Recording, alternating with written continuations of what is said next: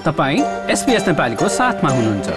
अरू रोचक सामग्रीहरूका लागि SBS dot com dot slash Nepali जानुहोस्।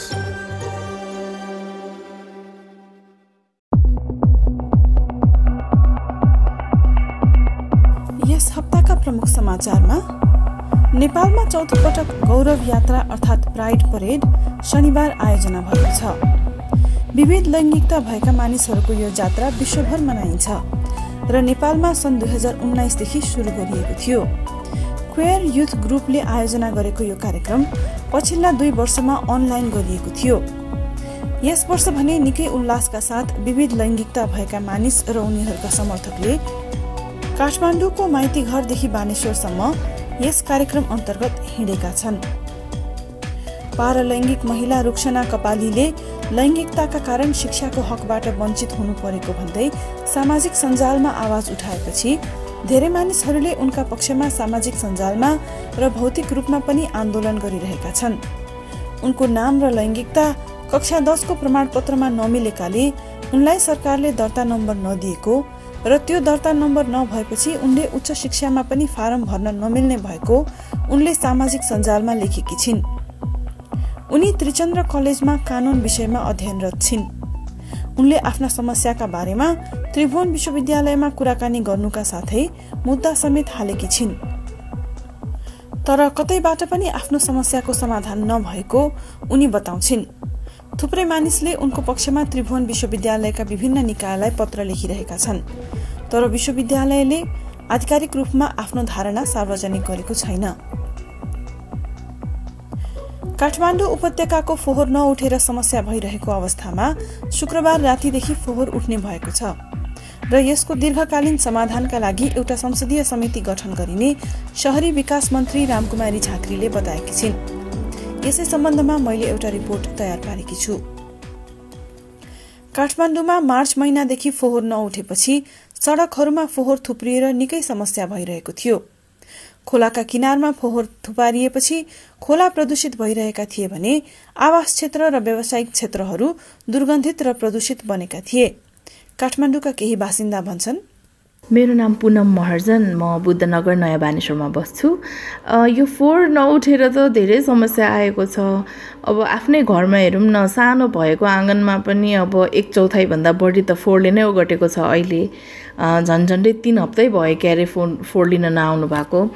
अनि अब मेरो सानो तिन वर्षको छोरीले मामु बाहिर खेल्न जाउँ न भन्दा पनि अब त्यो त्यो विकल्प पनि छैन। अब जबरजस्ती घरभित्रै राखेर खेलाउनु परेको छ होइन? अब त्यस्तै अफिस जाँदाखेरि पनि कहिले पनि जाम नपर्ने बाटोहरूमा पनि त्यही बाटोभरि फोहोर थुप्रेको कारण चाहिँ ट्राफिक जाम एकदमै धेरै भएको छ अनि अब दुर्गन्ध त छँदैछ त्यसै पनि। फेरि यो गर्मी महिना भएको भएर एकदमै धेरै झिङ्गा त्यो बुसुना के के किराहरू भन्केर पनि साह्रै समस्या परेको छ अब। मेरो नाम गीता हो। अनि हामी त्यहाँ नगरपालिका छेउमा बस्छौँ। हजुर कृतिपुरको नगरपालिका। यस्तो के अब कोठामै फोहोर भइरहेको छ है अनि त्यो फोहोर नफ्याँकेर अनि आफ्नै कोठा गनाइरहेको छ त्यही समस्या हो। अनि फोहोरले गरेर आफू पनि त बिमारी हुन्छ नि त। फोहोर भएपछि आफूलाई नराम्रो हुन्छ नि त। बस्नु छ काठमाडौँको ठाउँमा अनि गाउँ जस्तै फोहोर भयो भने त के काम हो क्या भनौँ न। फोहोर फ्याँक्ने ठाउँ बन्चरे डाँडाका मानिसहरूले विरोध गरेपछि फोहोर उठाउन छाडिएको थियो। गत हप्ता यो विषयमा संसदमा विभिन्न सदस्यले आवाज उठाएका थिए। नेपाली कांग्रेसका सांसद गगन थापा भन्छन् काठमाडौँ र वरपरको सडक फोहोरले पुरिन लागेको छ। यसको व्यवस्थापनको मूल जिम्मेवारी कानुनत सहरी विकास मन्त्रालय र काठमाडौँ महानगरपालिकाको फोहोरको यो समस्या हल गर्नका निम्ति सहरी विकास मन्त्रालयको पैसाले पुग्दैन। बन्चरे डाँडा र सिस्टोलमा हामीले गरेका प्रतिज्ञाहरू बाचाहरू पूरा गर्नको लागि अरबौँ रुपियाँ चाहिन्छ। काठमाडौँका नवनिर्वाचित प्रमुख बालेन्द्र शाहका लागि यो समस्या शुरूमै चुनौतीका रूपमा देखा परेको थियो। काठमाडौँ उपत्यकासँगै काभ्रे बनेपा लगायतका जिल्लाको फोहोर धादिङ र नुवाकोट जिल्लाको सिमानामा पर्ने सिसुडोल भन्ने ठाउँमा विसर्जन गर्ने गरिएको थियो। तर सिसुडोलमा फोहोर फाल्ने ठाउँ भरिएपछि त्यहाँ फाल्न नसक्ने अवस्था आएको छ। त्यसका साथै फोहोरले वातावरण प्रदूषित गरेको आफ्नो खेतीपाती नष्ट गरेको खोला प्रदूषित गरेको लगायतका गुनासोहरू लिएर सिसुडोलका बासिन्दा आक्रोशित छन्। फोहोर फाल्ने नयाँ ठाउँ बन्चरे डाँडा जानलाई सिसुडोल हुँदै जानुपर्ने हुन्छ। त्यहाँ शहरी विकास मन्त्रालयले ल्यान्डफिल साइटहरू बनाइरहेको छ तर तिनीहरूको निर्माण सम्पन्न भएको छैन। वर्तमानकै अवस्थामा त्यहाँ फोहोर फाल्न नदिने भनेर स्थानीयवासीले अवरोध गरेका हुन्। हाल भने काठमाडौँ महानगरपालिका र बञ्चरे डाँडा संघर्ष समिति बीच अठार बुँदे सहमति भएको छ। फोहोरको ढुवानी रातिको समयमा गर्ने प्रभावित क्षेत्रका बासिन्दाका लागि महानगरपालिकाबाट बजेट छुट्याउने सड़क कालोपत्रे गर्ने लगायतका विषयमा सहमति भएपछि फोहोर उठ्न थालेको हो। यसका साथै काठमाडौँका मेयर बालेन्द्र शाहले फोहोर व्यवस्थापन वैज्ञानिक तरिकाले गरिने आश्वासन दिएका छन्।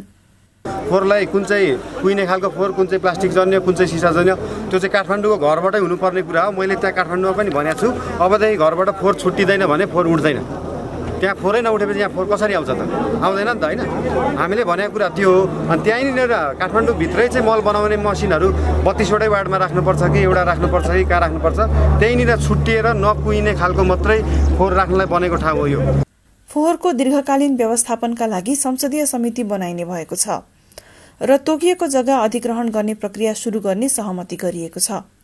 शहरी विकास मन्त्री रामकुमारी झाँक्री भन्छन् हामीले उहाँहरूले जुन अहिले हामीलाई पैँतिस सय रुपियाँ जग्गा अधिकरण गर्ने भन्नुभएको छ नि उहाँहरूलाई हामीले अहिले हामीलाई स्मुथली त्यो काम गर्न दिनुभयो भने हामी उहाँहरूसँग अन्डरस्ट्यान्ड हामीले गर्नुपर्ने रिफर्मका सबै काम गर्छौँ र त्यसपछि त्यो चाहिँ एक प्रकारको राम्रो डेस्टिनेसन बन्छ।